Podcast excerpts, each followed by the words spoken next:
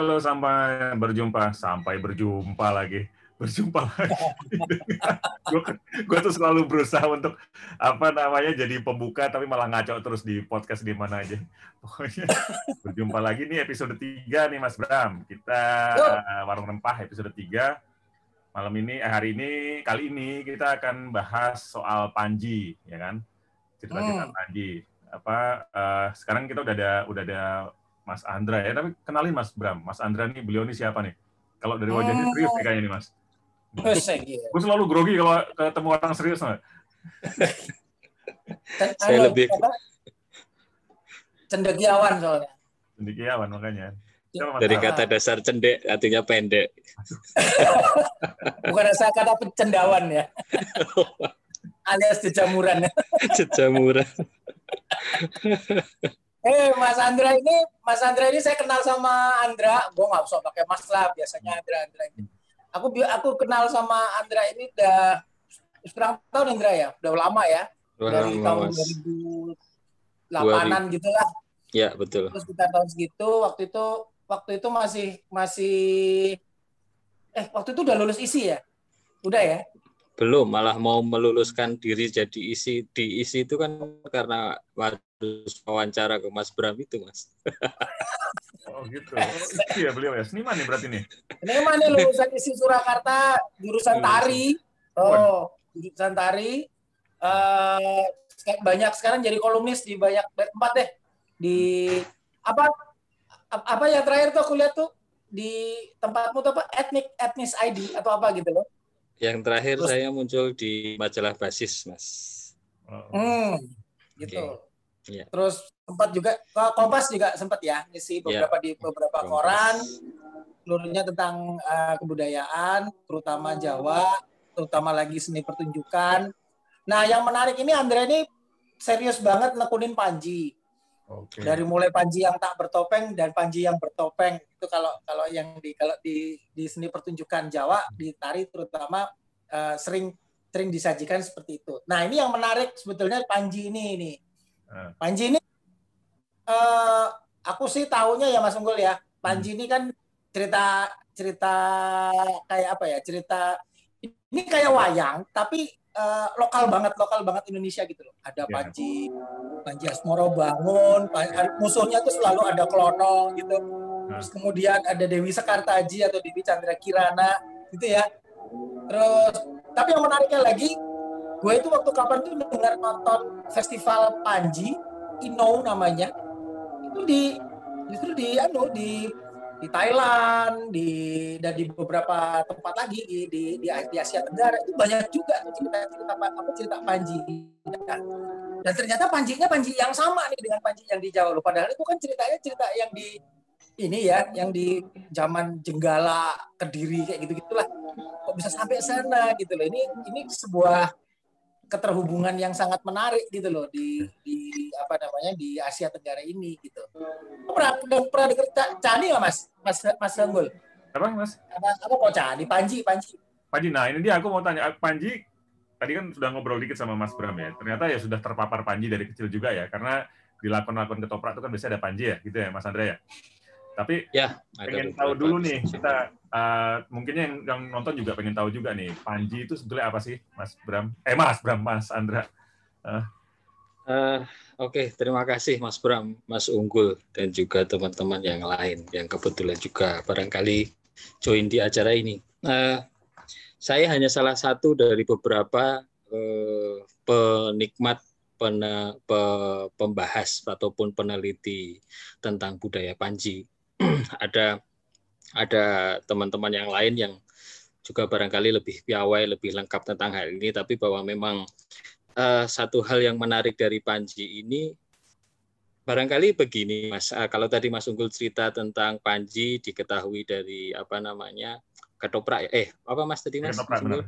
Ya, ya, itu uh, ya itu memang merupakan salah satu varian cerita yang diambil oleh seni pertunjukan tersebut uh, jadi bahan pentasnya. Tapi bahwa yang barangkali kemudian kita selama ini pahami itu memang Panji itu adalah sebuah cerita uh, kisah cinta ala Jawa Timur. Gitu kan.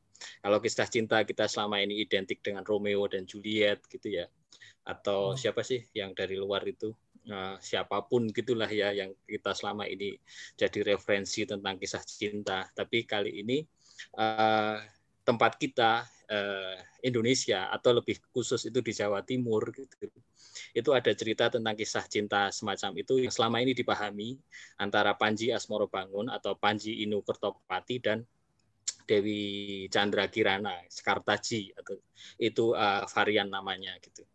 Uh, jadi uh, cerita ini memang kemudian sangat lokal seperti tadi yang dikatakan Mas Bram sendiri. Jadi salah satu contoh kekayaan yang kita punya mengenai uh, apa sebuah folklore, sebuah uh, yang di sana di balik itu menyimpan berbagai macam hal kearifan lokal, lokal wisdom ataupun apa tentang tentang apa pun tentang kalau memang eh, barangkali ceritanya seperti kita kita ketahui itu tadi yang disebut Mas Bram adalah kisah cinta antara negeri yang satu eh, apa Kediri eh, Janggala dan Daha begitu ya Kahupan. Nah, tapi artinya ada kemudian bisa kita sebut tentang terjadinya sebuah kisah cinta dalam konteks politik gitu perkawinan politik, tapi di balik itu juga sebenarnya dia menyimpan berbagai macam hal.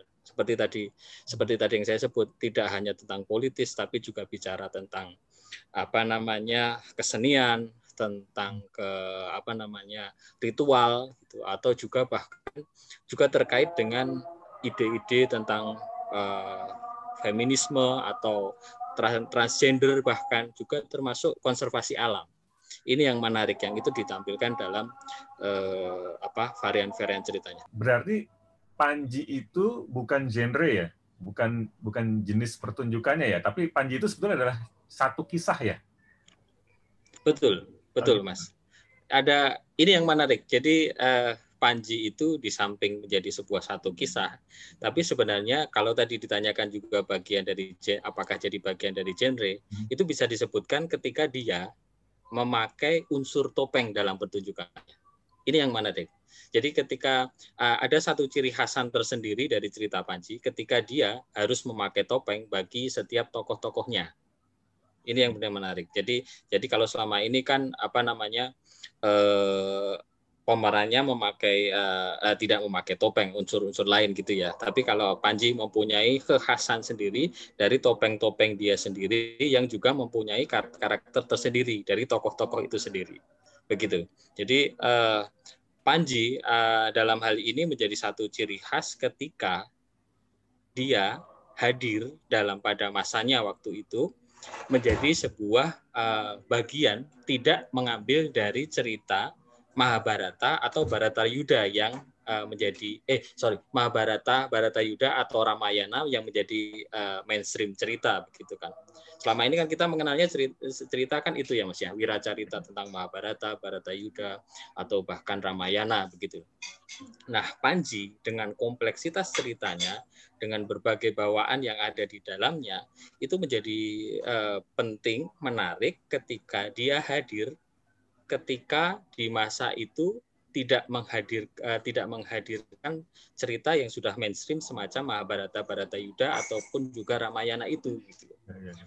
Barangkali kesejajaran itu saya bayangkan barangkali sama dengan misalnya ketika Ila Galigo kita punya itu kan dengan berbagai uh, kebesaran ceritanya baik secara uh, kuantitas halaman cerita ataupun kualitas isi di dalamnya. Nah, juga begitu juga Panji gitu. Ini menjadi bagian uh, kekhasan penting uh, mutiara yang penting dari Jawa Timur itu, Mas.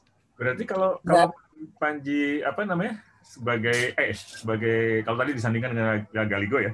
Berarti itu ada kayak kitabnya gitu, Mas, buku yang yang menulis seluruh kisah Panji itu atau gimana, Mas? Nah, itu ini menjadi pertanyaan penting ketika uh, sebenarnya naskah Panji itu pada awalnya tidak pernah ditemukan siapa penulis pertamanya.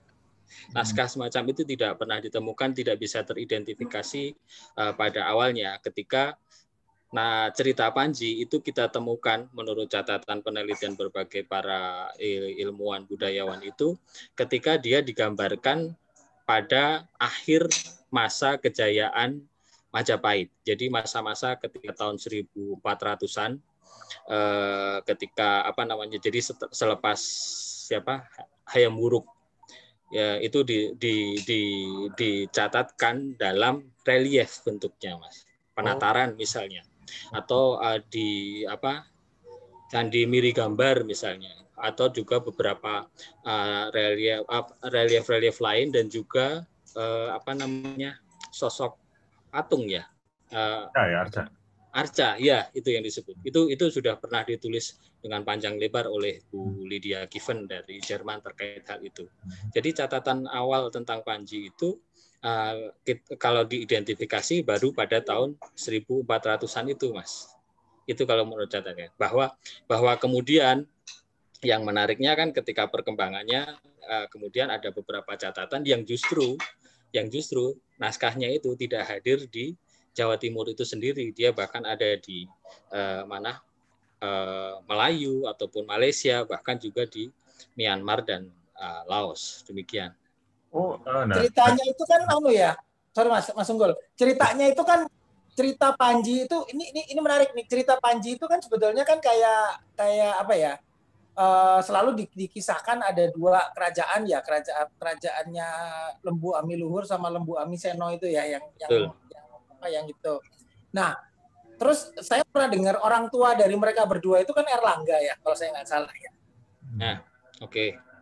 Nah ini kaitannya gimana kok itu kan itu antara satu satu sisi itu sejarah satu sisi dia menjadi cerita apakah ini sebetulnya legenda apakah ini sebetulnya cerita apa uh, sebuah apa ya sebuah sebuah cerita sebuah sejarah yang kemudian didongengkan atau gimana sih sebetulnya candi apa Panji ini?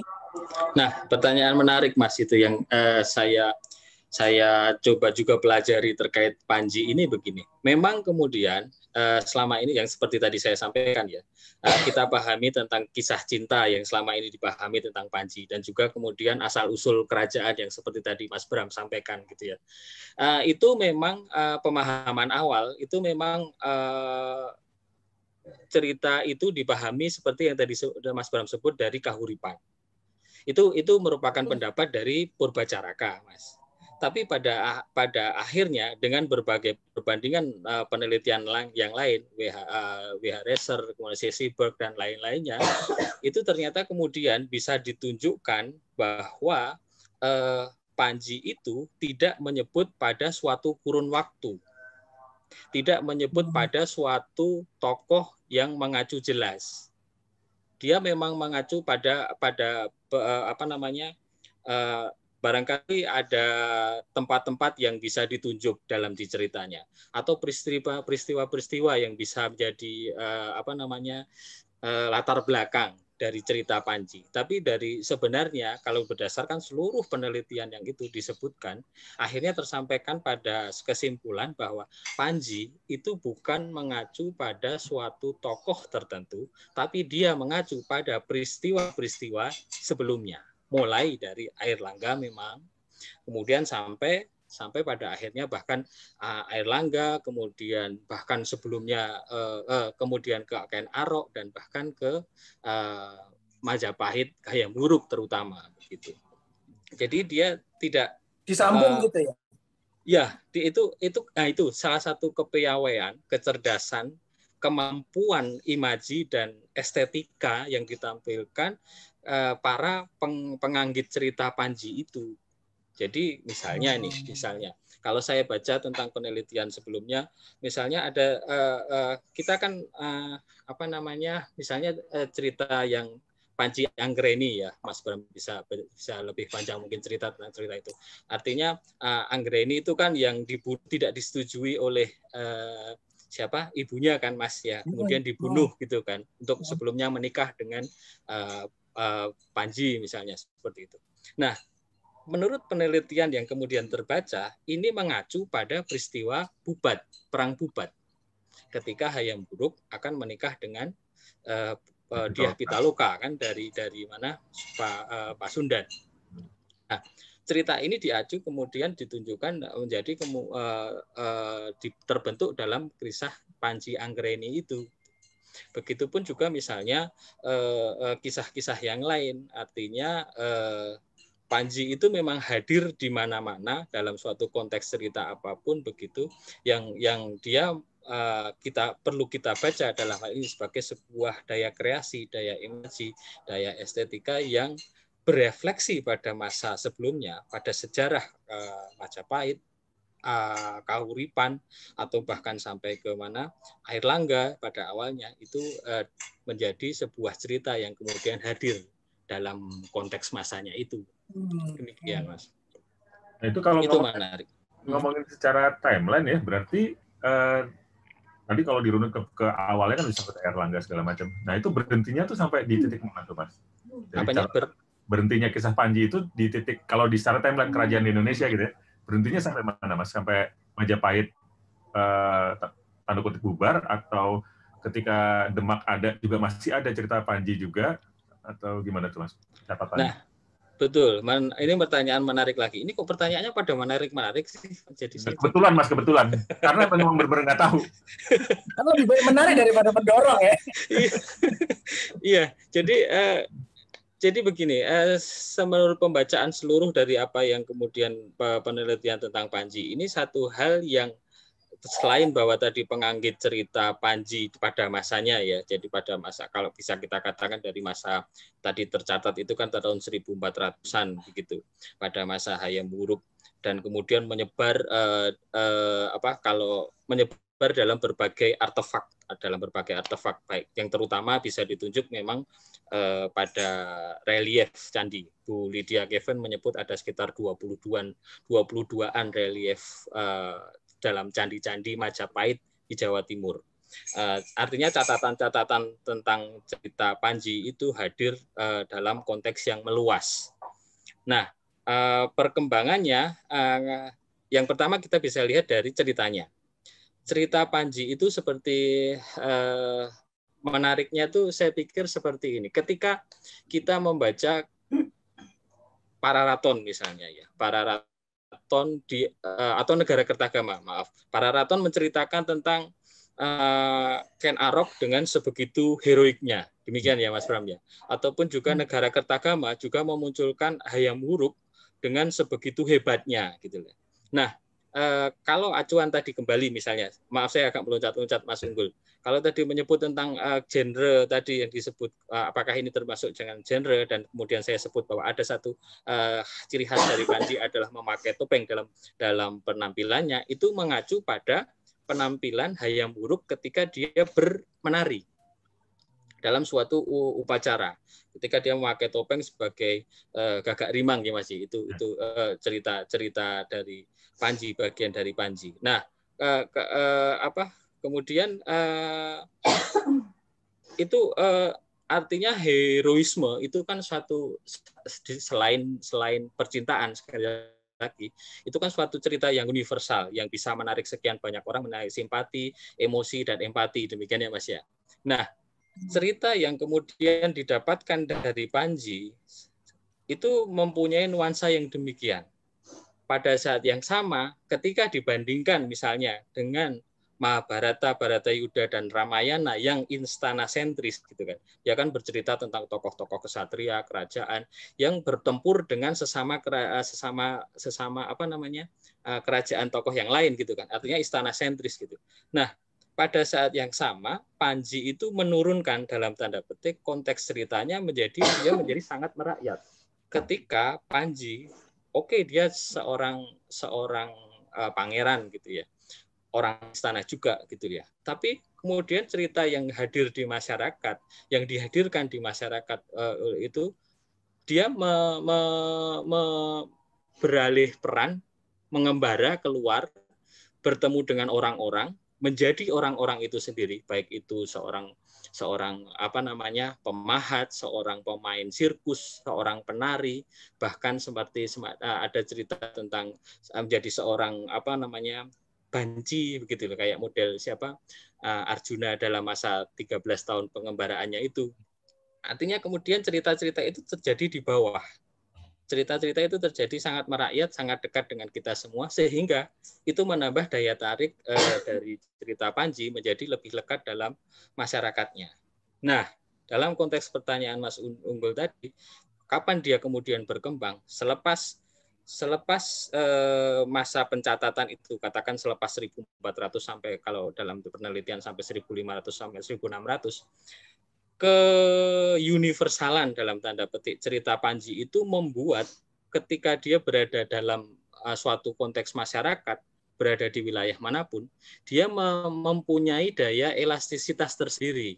Ketika dia ditafsir ketika dia dibumikan dalam cerita semacam itu dan dan dia hadir bisa ada di mana pun. Seperti misalnya seperti misalnya yang saya bilang tadi kisah percintaan di mana pun itu akan tetap bisa hadir di mana saja begitu kan? Uh, dan dan ketika dia berada di mana? Di di uh, selesai Majapahit misalnya dia menyebar ke Bali karena pelarian uh, apa sejarah Hindu kan pindah ke Bali misalnya kemudian dengan per, uh, uh, kalau dalam apa pencatatan penelitian itu disebutkan dia bahkan juga sampai menebar ke Lombok. Artinya ada kalau logikanya kan logika Hindu juga hadir di sana gitu kan ya Mas ya. Atau juga kemudian ke Bugis. Ada beberapa catatan tentang itu. Kemudian ke Banjar misalnya dalam konteks ceritanya sampai kemudian bahkan ke Melayu dan sampai ke atas sana. Artinya ya sekali lagi bahwa eh, konteks perkembangannya itu akan uh, sebenarnya sangat universal untuk kemudian menyebar ke sana sesuai konteks daerah dan waktu yang hadir di mana uh, cerita Panji itu dibawakan oleh siapa pun yang hadir di sana, begitu, Mas. Hmm. Oke, okay. ini uh, kalau boleh kita balik ke core ceritanya ya, ke core ceritanya Panji itu sendiri. Uh, ini kan yang seperti tadi kita kita bicarakan ini apakah bermula dari ceritanya nih ya. Kalau kalau kita ngomong soal wayang gitu ya misalnya Andra ya. Itu kan selalu kalau di wayang Purwo itu kan selalu dimulai dengan kisah kejadiannya para dewa gitu ya. Saat telur menetas, telur jadi apa manik moyo, yeah. Ya. togok dan semar gitu misalnya gitu. Nah, ini kalau kita mulai dari kita kita urut dari awalnya apa eh, Panji itu dia start dari mana kan kan kalau apa sementara ini kan tahunya kan sepotong penggal penggal gitu ya misalnya eh, eh, eh, Andi Andi Lumut gitu misalnya Andi Andi Lumut itu kan itu tentang tentang dua orang itu lagi kan tentang maksudnya kalau kita mencari titik awal nih titik awal dari cerita Panji itu kita kita harus harus mulainya dari dari mana ya? Kalau apakah ceritanya apa du, apa uh, dukun sakti calon arang itu sudah sudah masuk di dalam kategori panji? Itu kan berarti kan sebelum itu kan sebelum ini ya pada saat itu kan di zaman Erlangga gitu misalnya. Apakah itu sudah masuk? Apakah apakah sebelum itu ada apakah justru itu nggak masuk tapi ya start mulai dari mulai dari cerita Ino Kertapati dan Chandra apa uh, Dewi Anggra ini itu apa dari mana Andra? Kita harus lihatnya dari mana untuk membuat frame nih sekarang nih.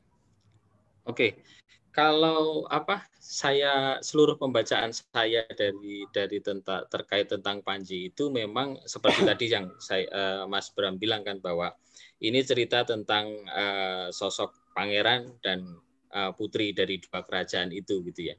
Jadi memang kemudian mengacunya uh, uh, apa namanya dalam sebuah penelitian sisi itu disebutkan bahwa itu mengacu pada zaman air langga, Mas. Jadi ketika air langga hmm. memecah kerajaan gitu kan, dan kemudian eh, apa namanya eh, eh, ada tokoh Kili Suci dan semacamnya itu, Mas. Hmm, hmm, nah itu ya, dalam cerita Panji kalau sosok air langga itu air langga itu ada ada sosoknya dalam cerita Panji itu Resi Suganda gitu. Jadi jadi uh, dia memang tokoh utama. Jadi kayak kalau di Mahabharata mungkin kayak siapa Mas? Yoso. Uh, nah betul semacam itu. Itu itu uh, kalau kalau bisa mau dirumuskan seperti tadi Mas Bram uh, minta itu kan uh, perumusannya memang dari sana. Pengacuan pengacuan cerita sejarah yang yang bisa kita tunjuk untuk melatar belakangi cerita Panji gitu. Bahwa kemudian memang memang uh, walaupun sebenarnya kemudian pada masa berikutnya perjalanan berikutnya ketika uh, berubah jadi apa uh, kahuripan dan semacamnya itu itu itu hanya saya pikir itu hanya sebuah eh, apa namanya konteks yang lebih kecil untuk dituju dalam cerita-cerita Panji. Tapi bahwa hmm. cerita-cerita Panji itu lebih mengacu pada masa Hayam Wuruk berkuasa. Gitu. Jadi ketika semasa masa Hayam Wuruk itu ada sekitar uh, tercatat itu ada sekitar 22 perjalanan dia gitu ya yang tercatat ya dalam uh, perjalanan dia di di wilayahnya itu Jawa, Jawa Timur ke sana, baik itu dalam upacara uh, apa ada prasasti, ada tentang biasanya kan tentang desa Sima itu kan Mas yang dia mempunyai hak untuk tidak membayar pajak gitu. Dan di situ yang huruf itu menari ataupun bercerita atau apa pun tentang kisah-kisahnya.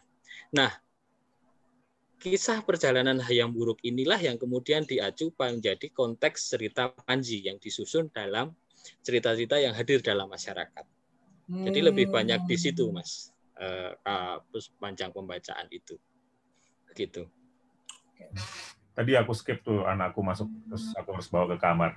Tapi ntar aku tonton lagi biar tahu. Oke, oke, oke. Tapi ini Mas, kalau kalau tadi Mas Bram di awal uh, kita ngobrolin soal, soal bahkan apa andi-andi lumut, terus apa Eh, cerita-cerita yang waktu itu akrab ke anak-anak gitu ya, itu adalah part dari cerita Panji. Itu bisa sampai ke situ gimana, Mas? Maksudnya tiba-tiba ada sempalan cerita kecilan yang di lumut atau apa? Apalagi sih, Mas? Yang Mas kayak Unggul gitu? ngelag. Hah? Apa gue yang ngelag? Ngelag ya? Iya. Uh, artinya tentang varian-varian yang muncul gitu ya, Mas? Iya, iya, betul. Iya, justru tadi itu yang saya sebut, Mas. Jadi uh, uh, universalitasan cerita Panji, tafsir cerita Panji yang dihadirkan kepada setiap masyarakat, itu yang memunculkan cerita-cerita itu bisa hadir di mana pun dalam bentuk apa pun ande-ande lumut, keong mas, kemudian timun mas eh, atau eh, cerita apa pun begitu itu hadir eh, hadir mengacu pada pada cerita Panji meskipun konteks ceritanya ya di daerah itu sendiri. Makanya kadang ada satu kemiripan tapi endingnya berbeda misalnya. Padahal cerita timun mas yang sama atau misalnya tentang ande-ande lumut yang tafsirnya seperti ini misalnya tapi di sisi lain di tempat sana ada perbedaan sedikit. Nah, itu kontekstualitas daerahnya yang memperkaya Panji di sini. Ini yang perlu perlu kita baca pada uh, kemampuan Panji bagi saya atau atau elastisitas tafsir yang bisa dia memunculkan pengembangan-pengembangan seperti itu, Mas. Jadi itu enggak jadi itu enggak linear ya. Artinya cerita antara satu cerita Panji dengan cerita antara satu sempalan dengan sempalan yang lain tuh enggak linear ya. Artinya kalau ditarik satu garis gitu dia bisa jadi tidak ketemu ya waktunya ya uh, acuan sejarahnya bisa ditunjuk. Tapi kalau kemudian salah satu cerita ini selanjutnya akan cerita ini seperti episode gitu oh, di dalam situasi nggak bisa. Ya? Bisa ya? Nggak bisa masih. Wah ini menarik ya. Ah, itu betul iya. Dan dan ya seperti kita tahu itu uh, tidak hanya munculnya tidak hanya ini baru tutur ya tentang cerita ya tentang naskahnya tentang Panji. Uh, ekspresinya kata tadi disebut tentang genrenya itu kan bermacam-macam gitu loh. Ada yang beber ada yang tengul ada yang apalah uh, cerita yang lain-lain malat atau apa pun itu menjadi satu uh, kekayaan ekspresi yang baru begitu loh yang ini tradisi ini berarti murni tradisi lisan ya yang di, yang diperoleh ya? Iya mas, iya mas, iya mas. Tradisi hmm. lisan kemudian muncul pertama 1400-an itu dalam dalam apa namanya uh, relief gitu kan. Kemudian memang disebut ada yang kemudian perkembangannya ada sekian banyak naskah Eh, baik itu dalam ada beberapa misalnya di Lontarak begitu misalnya ya. itu hadir ada di Melayu di Leiden ada sekitar 250-an di Perpusnas hanya 76 di uh, mana perpustakaan Laos ya ada satu itu yang menjadi dikumpulkan untuk jadi uh, apa prasyarat untuk itu. Tapi di Perpusnas itu tujuh tujuh puluh sorry, sorry mas, mas. Di, itu tujuh puluh enam tujuh puluh enam di perpustakaan nasional itu tujuh puluh enam cerita apa 76 76 naskah yang barangkali juga menceritakan hal yang sama, tapi artinya itu bisa dari oh, daerah mana pun okay. begitu kan. Ya, ya, ya. Nah itu ya. tadi yang tadi disebut di Laos dan di di luar wilayah Indonesia sekarang ya, eh Nusantara sekarang ya, apa hmm. Indonesia maksudnya di luar wilayah Indonesia itu uh, benang merah sama tuh mas, ya? ada ada benang merah sama, sampai sehingga itu disimpulkan bahwa itu adalah kisah Panji gitu loh. Sama mas. Uh, jadi uh, selain uh, uh, oke okay lah kita bicara sekali lagi tentang tafsir itu ya tentang kisah cinta dan keheroisan itu. Tapi bahwa kemudian pada saat yang sama pertunjukan nama bahkan di Thailand gitu misalnya itu disebut uh, Panji itu Inau. Kalau kemudian mengacu pada kata kata di sini kan Panji Inu Kertapati oh. Inau Inu itu. Ada jadi uh, mengacu pada pada cerita-cerita itu gitu mas. Jadi dari pe, pe, pelafalan tokohnya nama tokohnya itu juga memang ada di situ gitu. Di di di apa yang paling jelas yang paling bisa bisa kita tunjuk di situ. Kemudian satu di maaf uh, Laos atau Vietnam ya itu itu menyebut tentang tadi uh, res, resi Suganda itu dalam bahasa sana yang yang itu arti ada satu kemiripan uh, fonetik gitu antara itu uh, rasi Suganda dan kata di sana. Itu di antaranya uh, apa namanya benang merah yang bisa kita tunjuk sebagai uh, linearitas penyebar luasan Panji di Asia Tenggara. Hmm, keren ya. Langsung gue keren ya. Ini aja Mas Bram, Mas Bram cari sponsor, investor, bikin, bikin film lah kita, Panji. Oke. Tapi kan kita Mas Andra yang ini kan, apa namanya, ngawasin kan bener apa enggak nih. Konsultan ya, konsultan ya. Konsultan ya kan, konsultannya Mas Andra. Carilah, Mbak Ratis cari Mbak. mas, ini ada ada beberapa teman-teman nih yang juga ikutan nimbrung di warung kita nih. Ya. Kali-kali ada mau nanya, malah gue udah panas nih soalnya apa, iya iya. Tadi gue mau nanya apa jadi lupa tuh gara-gara anak gue gue harus bawa masuk ke kamar. Iya boleh nanya nggak? Boleh. Sila mbak Rati. Oh. iya. Uh, apa namanya? Uh, kalau tadi Mas Andra bilang bahwa ini ada di uh, dikenal lah ya dikenal di kawasan katakanlah Asia Tenggara begitu ya ini ada kaitannya dengan ini nggak sih? Apa namanya? Uh, jalur perdagangan gitu ya. Bagaimana uh, satu uh, satu cerita itu kemudian menginspirasi daerah lain dan kemudian diinterpretasi lagi. Tadi kan seperti Mas Andra sudah uh, bilang gitu ya. Saya langsung membayangkan mungkin karena uh, kebetulan lagi penuh dengan uh, rempah nih. Saya tunggu kata itu dari Mbak Rati aja nih. nah, apakah itu bisa dijadikan satu petunjuk bahwa uh, pada masa itu ada satu keterhubungan yang terjadi akibat perdagangan, terus kemudian uh, saya nggak tahu ya kak. Berarti kan ini sebetulnya uh, tradisi lisan Panji ini sebetulnya kita bisa sebut sebagai naskah Melayu ya, karena dia beredar di Asia Tenggara dan itu bisa dikatakan juga nggak tahu apakah bisa dikatakan bahwa ini adalah bentuk tradisi lisan Austronesia yang termutakhir di masanya seperti itu. Mungkin gitu nggak sih Mas? Apakah itu bisa kita kaitkan ke sana? Iya, betul Mbak, betul Mbak. Jadi eh, saya pernah menuliskan dugaan itu dalam tanda petik itu di Kompas di, diberi judul pada waktu itu kemudian di karena yang mengasuh sama Mas siapa Mas Radar ya dan beliau sangat maritim gitu. jadi dituliskan judul jadi negara eh, apa eh, pan, Panji eh, cerita Panji yang bahari semacam itu. Eh, hmm. logikanya logikanya karena di situ saya membaca eh, dari pembacaan saya memang bahwa cerita Panji itu saya mengacu benar pada uh, istilah yang disebutkan oleh Adrian Vickers. Beliau menyebut tentang peradaban pesisir. Nah, logikanya begini. Saya uh, uh, kalau mau merunut, saya agak sok-sokan merunut ke dalam gitu ya. Ketika Majapahit itu Panji Panji hadir di Majapahit dan ketika itu Majapahit berkuasa sebagai negara ber, kedua Nusantara yang menguasai Nusantara sekian luas gitu ya cerita Panji yang waktu itu kan sedang booming-boomingnya lah katakan gitu, sedang dicatat, sedang mungkin ada di media sosial, dibicara jadi om omongan viral gitu kan. Dan viral ini kan dalam masa itu kan artinya viral di per, kaum pedagang karena kan yang berhubungan dengan keluar itu kan pasti dengan orang-orang perdagangan. Nah, dia hadir eh, dalam istilah Vickers itu eh, menjadi sebuah entitas yang menunjuk pada sebuah peradaban pesisir.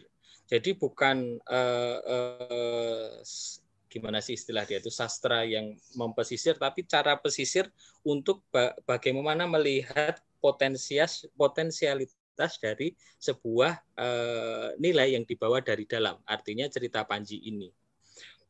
Penyebar luasan itu saya pikir selain bahwa tadi saya bilang tentang penyebaran uh, Panji di mana Bali atau Lombok itu oke okay lah bisa kita sebut tentang pelarian politis begitu ya Mas Unggul tadi saya sebutkan ketika Majapahit hancur dan kemudian orang-orang Hindu pindah ke menjauh ke sana sampai ke Lombok.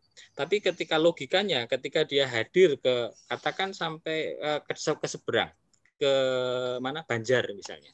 Dia ada cerita Panji yang dicatat di sana dan ada naskah dari bahasa Banjar di sana Bagaimanakah logikanya? Selain itu pada masanya adalah sebuah sebuah jalur perdagangan.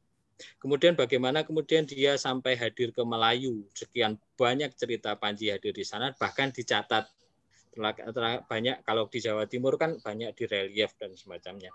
Tapi kalau di Melayu bahkan di Semenanjung Melayu, Malaysia dan lainnya lainnya itu banyak cerita Panji yang dicatatkan itu itu artinya perjalanannya menuju ke sana juga hadir ketika dia melalui jalur-jalur perdagangan. Pada masa itu kita tahu ketika masa 1000 1500-an gitu ya.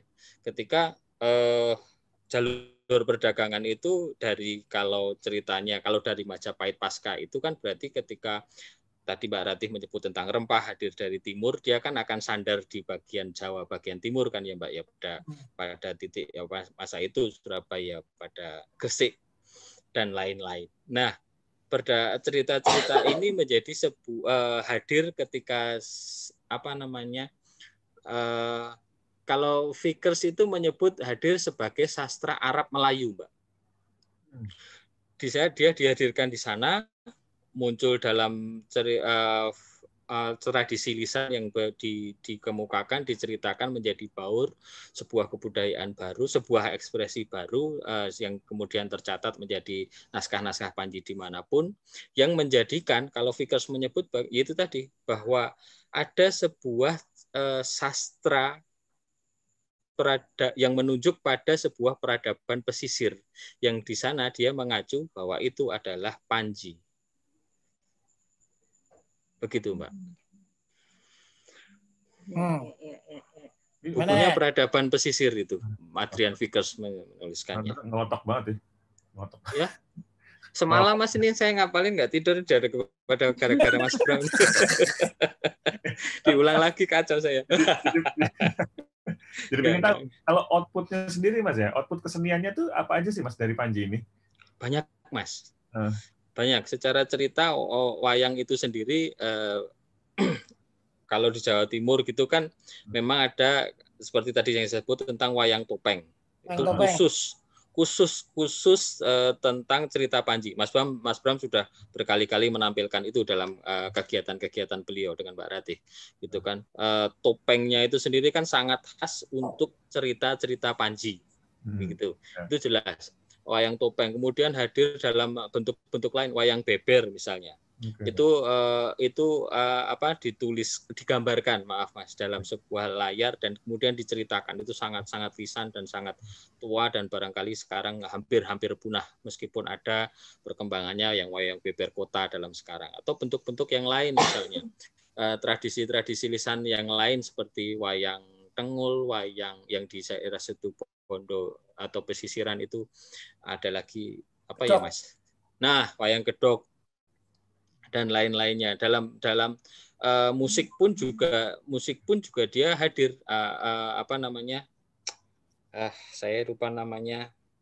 Uh, di daerah daerah Lasem ke sini itu. Uh, itu masih masih tentang hmm. musik-musik yang mengacu pada hal itu. Dan juga tentang tentu saja yang paling jelas tentang kesenian uh, bertopeng mas uh, kalau ada pada satu titik itu kadang ketika kita menyebut tentang hudok gitu uh, itu juga mengacu pada sana. Uh, uh, kalau topeng ya mau disebut yang paling jelas atau paling jelas kita bisa tunjuk ke wilayah pesisiran di Indramayu Cirebon itu mas. Ketika ada lima unsur topeng uh, yang menggambarkan cerita Panji dan lain-lainnya ketika kayaknya ya. kalau udah ketemu topeng keseniannya jadi kesenian itu isinya konten kesenian topeng itu banyak Panji deh. Kayaknya topeng Banjar itu juga Panji. Betul. Ya. Betul, Mas. Ya, mengacunya kan ya karena saya pikir ketika ketika di Malang itu ada sekian banyak topeng yang khusus untuk cerita Panji sehingga disebut wayang topeng Malang sehingga memang topeng itu akan identik dengan Panji seperti yang tadi saya sampaikan gitu Mas. Yang saya tahu sih, yang saya tahu kalau misalnya di kesenian wayang kesenian wayang kulit gitu ya. Kalau wayang kulit itu wayang Banjar, itu wayang Sasa, eh wayang wayang Banjar nggak sih? Wayang Sasa itu misalnya itu Panji. Yeah. Yeah. Kemudian kalau di Jawa sendiri ya wayang Gedok, yeah. Panji. Terus uh, apa top kalau semua kayaknya semua topeng di Jawa tuh dari mulai Klaten, kemudian Solo, nah. Jogja itu kayaknya juga semuanya Panji ya. Iya, yeah, betul. Itu menarik juga ya, musik yeah. pengen tahu jadi yang musiknya yang uh, outputnya musik tuh.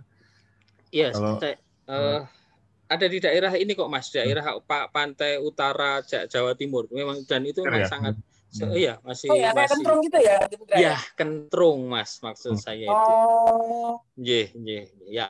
Hmm. Itu itu okay. itu itu bentuk-bentuk turunan dari yang hadir dari cerita Panji. Kalau sampai sekarang ya sekian banyak uh, apa ornamen barulah muncul sampai wayang beber kota lah yang kemudian apa apa kartun lah dan kartun ya komik segala macam gitu ya. Betul betul. kalau yang di kalau yang di Asia Tenggara itu kalau itu kan nyebarnya udah sampai ke mana-mana ya? Yeah. sampai ke yeah. Asia Tenggara ya? Ya ya apa namanya itu bentuknya kebanyakan apa?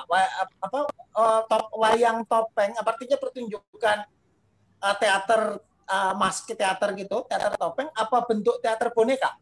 Kalau yang di kalau seni yang pertunjukan. Ini aku nggak terlalu ngikutin kalau, yang di Asia Tenggara. Iya, kalau di sana lebih banyak seni pertunjukan tari dengan dengan topeng, Mas.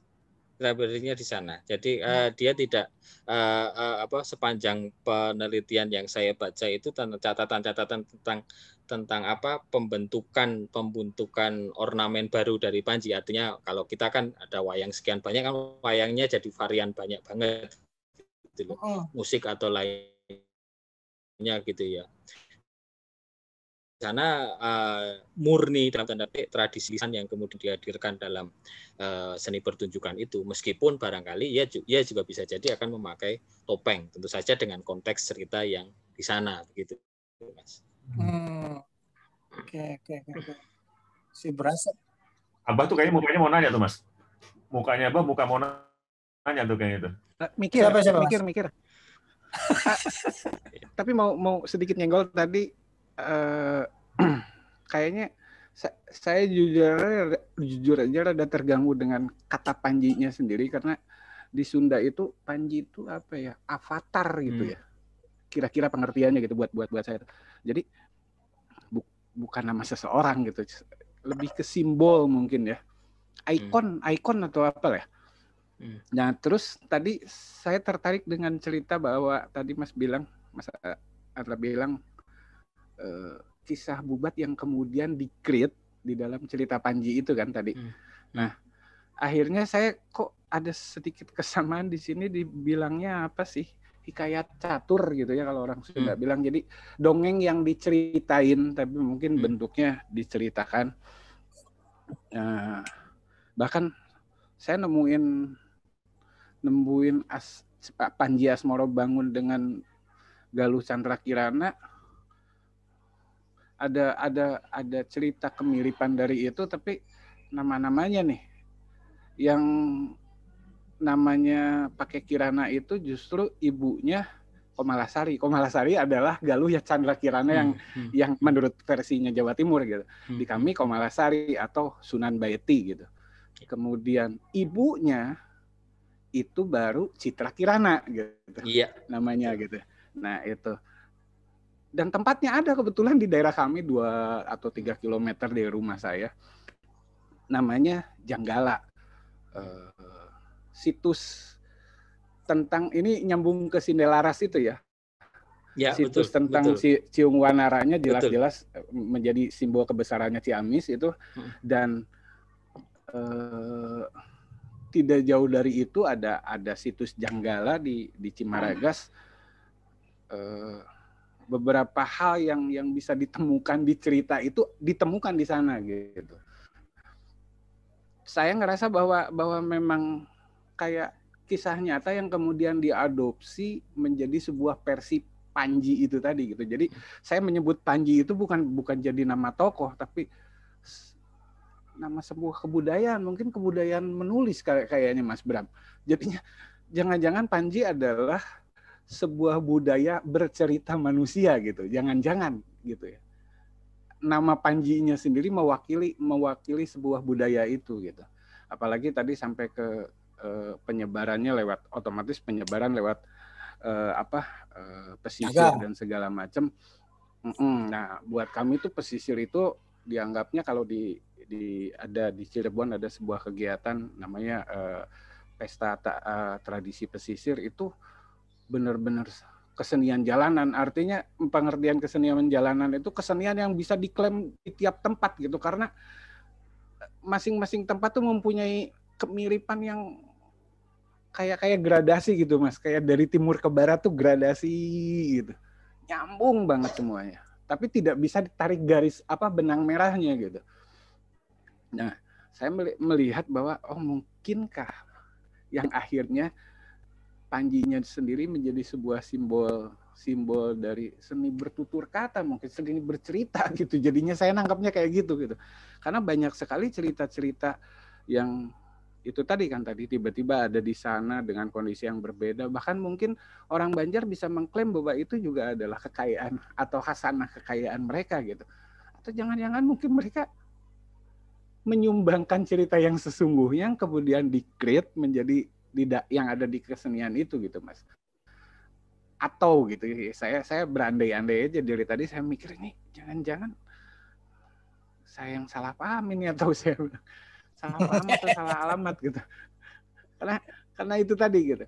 Ya saya minta penjelasannya itu gitu. Ter, terkadang di di uh, mungkin di, di tradisi Sunda itu ada ada ada cerita yang dibilang hikayat catur jadi yang diceritakan itu biasanya ditulis ditulis kumeren dipiri kusugan didongengkan kusiga. Jadi maksudnya ditulis oleh mungkin gitu. Kemudian disisipi cerita-cerita yang mudah-mudahan barangkali gitu ya. Kemudian disuguhkan dengan cara sepertinya gitu. Jadi apa saya sulit membahasa Indonesia-kannya itu, tapi kira-kira bahwa itu hasil kreativitas yang menyerupai atau mendekati aslinya gitu.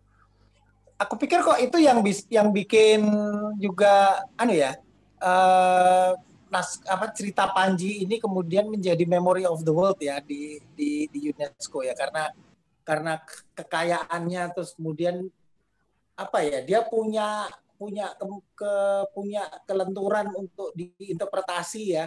Kemudian muncul Panji ini Panji itu segala macam. Tokonya cuma satu tapi dia bisa muncul dalam berbagai versi gitu. Gitu nggak sih Indra? Uh, iya Mas. Betul. Memang memang seperti itulah yang dimaksud dengan uh, uh, yang tadi saya bilang dalam bahasa universalitasan kalau memang uh, uh, kalau secara prasasti gitu ya catatan tertulis yang itu memang memang hanya uh, prakaryan inu gitu kan istilahnya gitu ya. Uh, yang kemudian itu hadir di mana-mana bahkan sampai ke Thailand yang jadi inau itu gitu. Uh, uh, memang kemudian yang tadi saya sebut ketika dia ber, oke bicara tentang uh, universalitasan itu tadi kisah cinta ataupun heroisme, tapi ketika dia hadir di masyarakat tokoh itu hadir di masyarakat. Katakan dalam konteks sekarang mungkin blusuan gitulah itu kan jadi menjadi mendekatkan kita. Dan dia tidak mengambil klaim-klaim cerita tertentu pada uh, yang harus dipatuhi oleh masyarakat itu sendiri. Sehingga kemudian tafsirnya memang kemudian beragam. Seperti tadi yang saya bilang uh, dan itu memang hadir hadir di di berbagai mat, uh, cerita itu hadir. Memang bagaimanapun juga tetap bisa ditunjuk pada sebuah cerita sejarah seperti tadi yang dibilang tentang hikayat Cindelaras kemudian apa namanya satu lagi itu uh, iya dan lain-lain. Itu itu memang memang betul. Maka kemudian kalau disebut ada petilasan di mana atau cerita yang mana itu memang mengacu pada ya sejarah yang bisa ditunjuk memang begitu. Uh, ada Cindelaras itu uh, uh, apa? Saya lupa pokoknya rangkaian satu rangkaian dengan memang cerita bubat itu tadi jadi ada ada bahkan termasuk dengan nama-nama tokoh yang ada dalam cerita Bubat itu memang dalam konteks tertentu yang bisa diceritakan. Tadi kan memang namanya berbeda. Nah, itu iya, iya. Eh, eh, tapi dalam satuan cerita, kurun waktu cerita memang ada itu. Jadi memang cerita Panji itu kalau memang kalau kita mau kita rumuskan sebagai sebuah budaya eh, apa eh, tutur yang yang yang apa kemudian eh, bisa ada di mana saja tentang suatu hal itu yang memang bisa saja, tapi bahwa barangkali kemudian kalau saya menawarkan sebuah pembacaan yaitu tadi tentang apa namanya sebuah kemampuan tafsir gitu ya.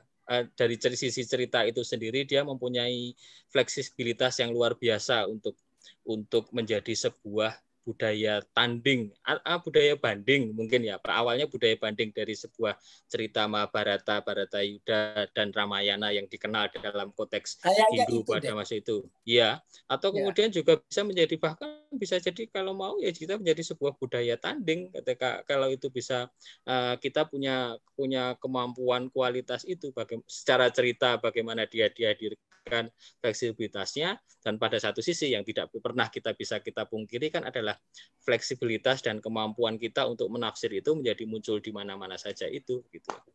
Oke, okay. memang benar-benar ah, diciptakan untuk alternatif kitab dua kitab itu atau jangan-jangan gitu. Yeah. Bukan kita yang sekarang mencoba membandingkan atau mentandingkan itu atau jangan-jangan dulunya memang dibuat itu dibuat untuk menandingi itu gitu. Mungkin bisa disimpan dulu Abah untuk part kedua karena waktu gue baru mau ngomong nih. Ini kayaknya dua episode ya ini. Enggak, tapi memang benar nanti uh, ini yang yang kali ini part satunya cukup segini dulu mungkin ya kita kita bicara umum soal oh, oh, kemarin dulu. kemarin wayang kan juga nah. nggak nah, kelar tuh ya. nanti ada hmm. part 2 sekarang nih Panji juga ada part 2 ini bah nanti bah disimpan dulu bah nanti nanti kita cuma nontonnya ini kelar nggak nonton lagi episode lainnya kan gitu kan? iya kalau ada yang nonton kalau ada yang nonton gitu kan usul judul boleh nggak apa tuh mas boleh Panji budaya banding budaya tanding gitu kan. Nah, itu, saya lebih lebih setuju itu. Keren, keren. Nah, tapi nanti nextnya kita mungkin bicara lebih detail lagi ya, Mas Andra ya, Mas Bram, Abah dan Iya, setuju, setuju. Oke, okay, siap. Kita bedah khusus kesen, output kesenian apanya atau satu kisahnya apa, kita bedah lagi kali ya, ya kita bahas. Oke, Mas Andra, eh, terima kasih banyak. Kita ngobrol-ngobrol lagi nanti. Terima kasih juga. Terima kasih kesempatannya.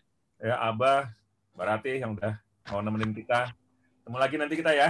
Ya, ya kita ya. kita nanti ketemu dan minggu depan nanti kita ketemu dengan top topik yang lainnya lagi. Tapi jangan tapi kita janji ini nanti kita tambah ini ya. Tambah ya Mas Unggul ya. Tambah tambah. Eh, Bah, bah tolong ini dulu Bah bilang eh, jangan lupa subscribe dan tekan loncengnya lo ngomong Bah. suara gue menjual tapi muka gue nggak menjual. Harus subscribe sama tekan lonceng aja, Pak. Ntar kita bikinin lonceng gitu. Oke. Okay. Thank you, thank you. thank you semuanya. Assalamualaikum. Waalaikumsalam. Thank you, Mas. Thank you.